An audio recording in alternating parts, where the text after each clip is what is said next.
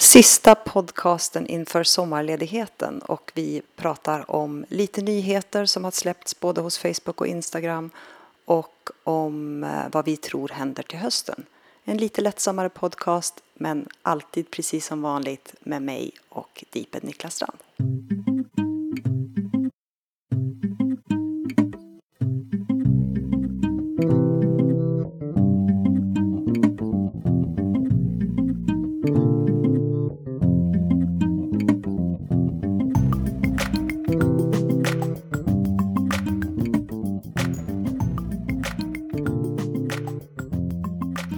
Hej, det här är podcasten Social by Default och det är som vanligt jag, Sara Larsson Bernhardt, tillsammans med Deeped Niklas Strand som driver den här podcasten. Podcasten, precis som konceptet Social by Default, är ett samarbete mellan Knowit Experience och Deep Edition Digital PR och du kan läsa mer om oss på socialbydefault.se. Om ni vill kommentera avsnittet eller har idéer för framtida avsnitt, twittra med hashtaggen Social by Default eller prata med oss på vår Facebook-sida. Podcasten sponsras av Knowit Experience och av våra kära Patreons. Hej Sara! Hej Niklas! Glad midsommar i efterskott! Detsamma! Hur har ni haft det? Jo, det har varit bra. Det har ju faktiskt varit lite varmare än det brukar på midsommar.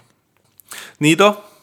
Alltså typiskt, typiskt svenskt midsommarväder. Börjar bra på morgonen, eh, klart, soligt, lite vindar och sen så ju närmare lunch desto mer moln och sen när vi hade dukat ute så kom hällregnet och så hällregnade det i från ungefär fyra tiden fram till ja, elva kanske på kvällen.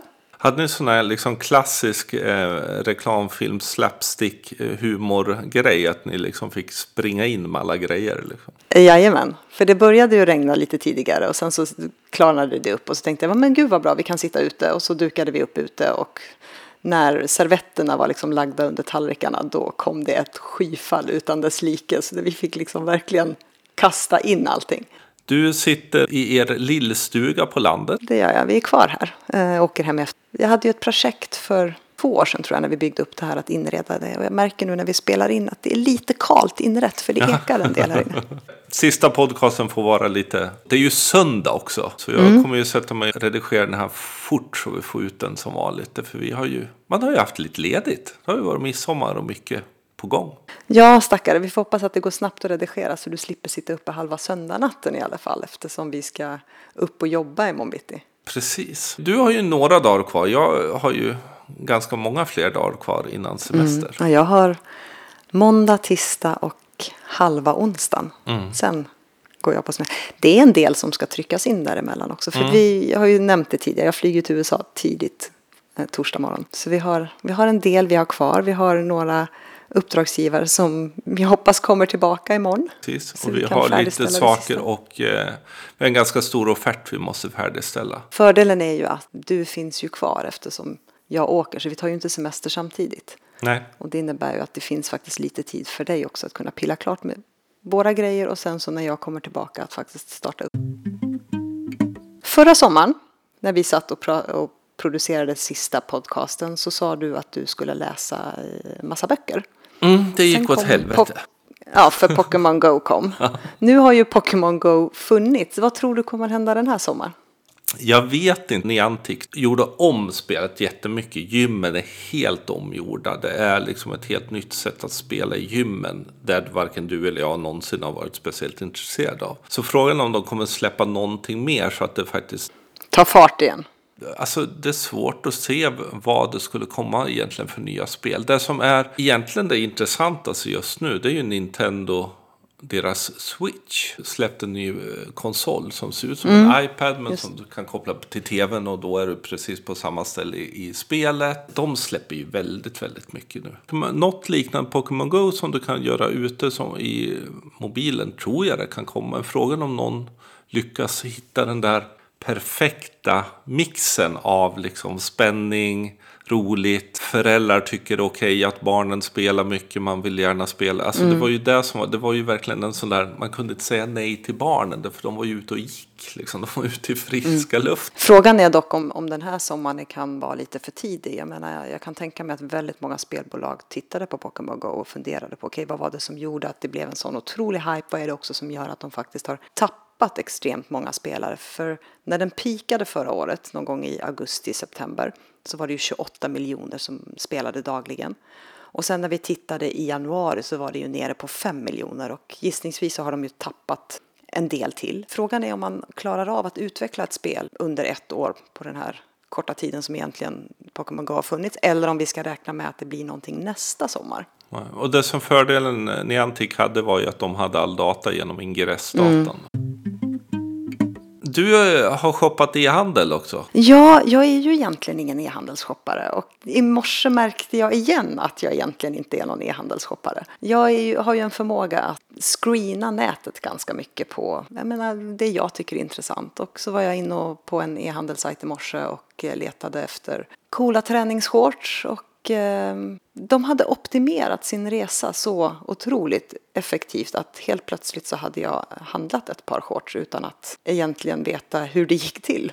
Okay. Och det är ju lite läskigt. Din kundresa är ju mycket så att du liksom webbkollar mm. och sen så handlar du helst i butik. Ja, jag gillar att klämma känna och jag gillar, det, låter, det här låter ju helt sjukt, men jag gillar den lilla uppmärksamheten, bekräftelsen jag får i shoppingupplevelsen. Mm. Just det här interaktion, butiksbiträde och jag. Jag går ju oftast till väldigt små butiker där de känner mig, de vet vem jag är och det får jag inte på nätet. Det är ju ganska intressant för man skulle ju kunna fundera, finns det något sätt att digitalisera den upplevelsen? Jag tror det är svårt, för det är ju liksom metaprodukten i det hela. Um, väldigt många av de här kanske små butikerna om man handlar fredagar eller helger. Jag menar du får en kaffe, du bjuds på lite champagne, de vet vad du köpte senast. Det, kan ju, det går ju att digitalisera men just det här att ja, men den här kombinationen kan, köper du det här så kan du ha det till de här byxorna och de, den här liksom skärpet som du köpte för ett halvår sedan.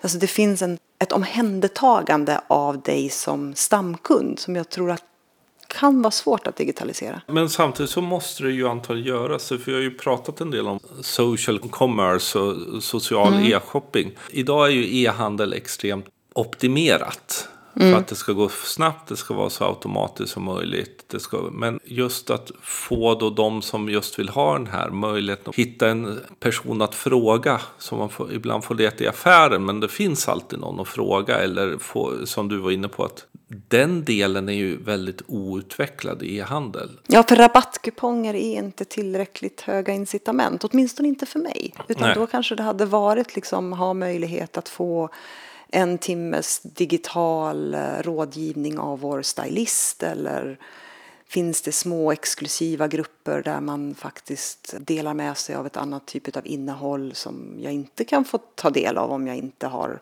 nått över en viss frekvens i shoppingen eller en viss summa eller sådär. Och det här är ju en fördel för de faktiska butikerna som har både e-shop och faktisk butik att fundera på, okej, okay, vi har åtminstone båda delar vi kan erbjuda. Hur kan vi skapa det fysiska mötet som gör att vi faktiskt också kan kapitalisera på det digitala sen? Närma sig det på ett helt annat sätt. För jag menar, vi ser ju en trend att folk e-handlar mer och mer. Ja, men hur, och de små butiker lägger ner för att de inte har samma kundstock. Ja, men då har ju de faktiskt en möjlighet att ta det här utrymmet väldigt mycket mm. mer. Ofta så är ju e-handel inriktad liksom på att ja, men vi fungerar ungefär på samma sätt. Man har ungefär samma flöde man ska. Men jag menar, ska man vinna ytterligare målgrupper så är det ju till exempel en målgrupp som dig man kommer behöva titta på. Och då behöver man ju se vad finns för ytterligare behov i kundresan. Att mm. faktiskt eh, stärka upp. Ja, för vi har ju pratat om det med väldigt många av våra uppdragsgivare just i hela digitaliseringsprocessen. Att ju mer du optimerar, ju mer du digitaliserar, ju mer du automatiserar så behöver du bygga in en annan mänsklighet. Mm. Så att inte allt blir för automatiserat. Jag menar banker till exempel. Jag vet inte när jag pratade med en bankperson. Jag tycker att jag sköter allting själv. Det kanske funkar på en bank för att jag vill ha kontroll över mina saker. Men jag tror att det finns en risk att vi, att vi får ett ganska distanserat och kallt samhälle om vi inte bygger in bättre kundtjänst, närmare kundtjänst, mer personaliserade svar och liknande. Mm. För att ju mer digitalt det blir desto mer distanserat blir vi också från varumärket. Jag menar botarna i Messenger kan ju antagligen mm. bli mer personliga och få, skapa en mer personlig känsla än vad vi idag ser när man optimerar sin kundtjänst så pass mycket att en del kundtjänstsvar känns väldigt automatiserade och opersonliga. Så jag tror att det här kommer bli nästa steg i digitaliseringen. När vi har fått det att funka och vi har fått våra företag att ändra affärsprocesser och, och så, att bli mer digitala, att vi faktiskt funderar nästa steg, okej, okay, hur får vi in det humana igen? Jag tror att det kommer komma i två steg. Mm. Och där blir ju sociala medier extremt viktigt i så fall om vi ska titta utifrån vårt perspektiv. Och framförallt det vi har lärt oss av sociala medier mm. att göra. Det vi lärt oss av reaktiv kundtjänst, det vi har lärt oss av att hantera frågor och sånt på sociala medier, bör man ju då plocka in även i e-handel och i e-mötet. Mm. Pratat med några kompisar här som ska till Almedalen. Alltså, vi gissar att digitalisering kommer vara årets här, sociala medier-grej i alla rubriker. Att det kommer vara liksom 75 procent av alla rubriker kommer stå digitalisering i. Och det ordet mm. börjar, är ju lite sådär, liksom, ja, men vad handlar det om egentligen? Liksom? Och många gånger så kan jag uppleva att det, mycket av det du och jag och många andra har pratat om i väldigt många år mm. är egentligen där man nu, alltså digitalisering av kommunikationen, en digital kommunikation internt och externt. Någon annan som har börjat röra sig mot ett, en ny inriktning, det är ju Facebook. Eller åtminstone ja. så har man ju valt att revidera sin mission. Det är ganska intressant. när den, de, de hade ju missionen Connecting People, i princip Nokias gamla. Där att man ska föra människor samman. Men nu har de eh, utvecklat den till Bring the world closer together. Är den nya missionen. Att från ska, att skapa kontakter att man faktiskt skapar relationer gör gränserna mycket mindre eftersom vi faktiskt suddar ut dem. Mm.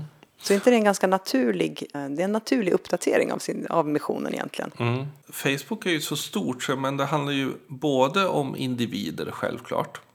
Men det handlar mm. ju också om stora händelser och samhällsomvandlingar och sånt som också Facebook är en del av.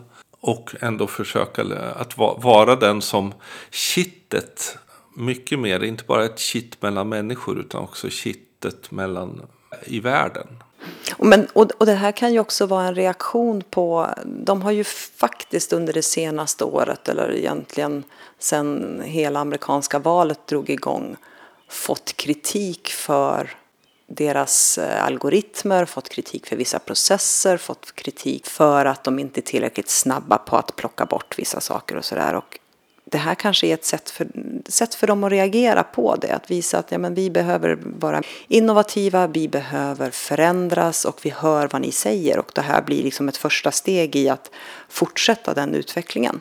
Så det är ju den stora, jag menar Facebook är ju på väg mot två miljarder månatliga användare. Så jag menar, det är verkligen en självklar del av världen. Mm. Instagram ökar ju också och det innebär ju att man börjar liksom få den här känslan av att vill man att alla ska se allt? Det har ju hänt nu då att de håller på att rulla ut ett nytt testkoncept med att kunna favoritmarkera sina vänner och välja helt enkelt att om jag gör en uppdatering så behöver jag inte lägga upp den för alla utan jag kan lägga upp den och välja ut ett antal av mina vänner som ska se den. Och det här gör ju att de börjar ju närma sig Facebook mer och mer. Just det här med att dela in folk i olika kluster och cirklar och välja vem som ska se uppdateringarna. Vad tycker vi om det egentligen? Säger jag lite skeptisk. Ja, det blir ju tyngre och tyngre tekniskt eh, för Instagram mm. på något sätt. En av de sköna grejerna med Instagram var mobile only väldigt länge. Mm. Det var liksom, lägg ut en bild, punkt. Liksom. Lägg ett filter på det, punkt. Skriv en text, punkt. Samtidigt kan jag väl tänka, det, det handlar väldigt mycket om att strukturera upp Instagram lite bättre. För jag menar, Tittar man på till exempel min dotter så har hon ju ett officiellt Instagramkonto. Och sen eh, då ett privatkonto som bara hon väljer vilka som får komma åt. Och det var ju det vi pratade om häromdagen eh, när vi såg den här uppdateringen. Just att en anledning till att de gör det är ju för att förenkla och förbättra för oss annonsörer. För det är ju mm. svårt att veta om vi har en målgrupp och så kan vi nå x antal, men hur många av dem är egentligen dubblettkonton?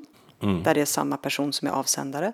Och titta på beteenden i de här kontona. För jag menar, det kanske är så att vi har vissa konton då, om vi har två, tre olika konton, som står närmare oss i att scrolla feeden. Mm. Om vi då ska annonsera och då är det också svårt att titta på, okej okay, vi kan få en jättestor räckvidd men vad säger det egentligen? Mer än att vi har x antal konton som vi kan annonsera till om de inte scrollas igen. Och det här hänger ju säkert ihop med också det här med antal följare.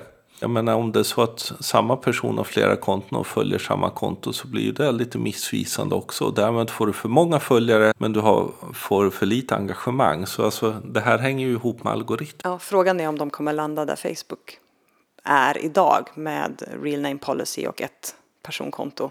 Att Instagram faktiskt också landar där till slut. Men sen också en så enkel sak som med tävlingar. Liksom. Hashtag-tävlingar. Som mm. har varit problem att man har fått säga till för att du måste ha ett öppet konto. Och folk har liksom öppnat sitt konto bara för under tävlingstiden. Och säga men nu kan man ju ha ett öppet konto och ändå se till så att alla inte ser allt. Och i DM så har man en mycket bättre struktur och koll på vilka som pratar med en min känsla, och det är i och för sig min, min personliga upplevelse, det är att jag tror att Instagram kan sätta krokben för sig själva lite grann om de börjar bygga in för mycket tekniskt DNA och för svåra funktioner och för många val in i plattformen. De har utvecklats jättemycket de senaste ett och ett halvt åren och genom att göra fler sådana här funktioner kommer de göra att folk kommer nog tappa sugen lite grann för gemene man är inte så tekniskt bevandrad. Det är ju lite grann det här som Google har misslyckats med varje gång, att det har varit för mycket tekniskt DNA i allt, de har gjort, i allt de har gjort och det har varit en ganska hög tröskel för folk att ta sig över. Varit för mycket pyssel? Mm, precis. Mm. För många val, för många grupperingar, för mycket... Nej, jag tror att de ska vara lite försiktiga. Det är lite grann som du sa innan, att det har varit extremt enkelt med Instagram. Och behåll det då, gör inte Facebook 2. Det här med algoritmerna är ju en, en svårighet, för alla tycker illa om det. Generellt mm. liksom. Samtidigt, du och jag vet ju att jag menar, någonstans så finns en matematisk nödvändighet när man har ett sånt gigantiskt flöde och framförallt vi alla börjar få ganska stora flöden också. Och för att få in annonser självklart. Men frågan är liksom hur långt man kan gå. Facebook har ju gjort om notiscenter Mm. Jag vet inte om ni har sett det ni som lyssnar, men om ni går in på ert notiscenter på Facebook, framförallt appen då, eh, i telefonen, så har de ju nu delat upp notiscenter i två delar. Det första är nya notiser som ligger överst och det andra är tidigare notiser. Men utöver det så styrs det också av vad som är intressant för dig. Alltså helt plötsligt så lägger de in en algoritmisk ordning där också, så den är inte fullt kronologisk. Och det här är för att förenkla då för oss att inte missa det vi vill se utifrån det vi faktiskt engagerar oss i. Kommer det bli bra då? Har vi något val? Notiserna är ju på något sätt verkligen den där grejen som man kanske den sista kronologiska, liksom, där man verkligen behöver. Liksom, men vad har hänt senast? Liksom? Vi har ju pratat algoritmer ganska mycket, framförallt när vi har våra utbildningar och så. Och det vi har återkommit konstant till är ju att algoritmerna förändrar ju det vi ser. Och för att vi ska kunna styra algoritmerna någonstans så måste vi förändra våra beteenden också. Och det blir ju samma sak här. Alltså, om nu algoritmerna kommer in mer och mer så måste vi se till att vi interagerar mer, vi likar mer, vi lägger in våra vänner i liksom stjärnmarkeringar och så här. Och då handlar det ju samma sak i notiscenter. Där behöver vi också vara vaksamma och titta, okej, okay, vi behöver börja titta mer på tid när hände egentligen det här? För jag är ganska slarvig på att titta om det var en timme sedan eller tre timmar sedan eller elva timmar sedan eller åtta minuter och så Utan jag tar ju för givet någonstans att ja, men i notiscenter har det alltid varit kronologiskt. Nu behöver vi ju förändra vårt beteende här också. Mm. Jo, för det är ju lite Instagram stories när man har tittat nu. Nu har man sett allas midsommar firanden liksom, idag mm. när man gick. Men ett, ett, nytt beteendeförändring är ju också eh, som vi ser att YouTube släppte precis att man kommer se till så man har dynamiska videoformat ännu mer så att de ska fungera precis på vilken skärm du tittar på. Det här har ju väldigt mycket med att tv-skärmen Mm. som växer mest. Alltså att man tittar på YouTube på tv. Jag gör, tittar ju bara på YouTube på min 55-tums tv. Där ser man också att Facebook video har kommit till Apple TV in. Vilket innebär att mm. nu sitter man och kollar video där och like. Och det här är ju ganska intressant. För tv-tv blir ännu mindre intressant. Men däremot så blir så här, den skärmen intressant för sociala medieplattformar. Och det har vi ju sett nu sedan ett ganska kort tag tillbaka när du dessutom kan välja tv-format när du annonserar på Facebook.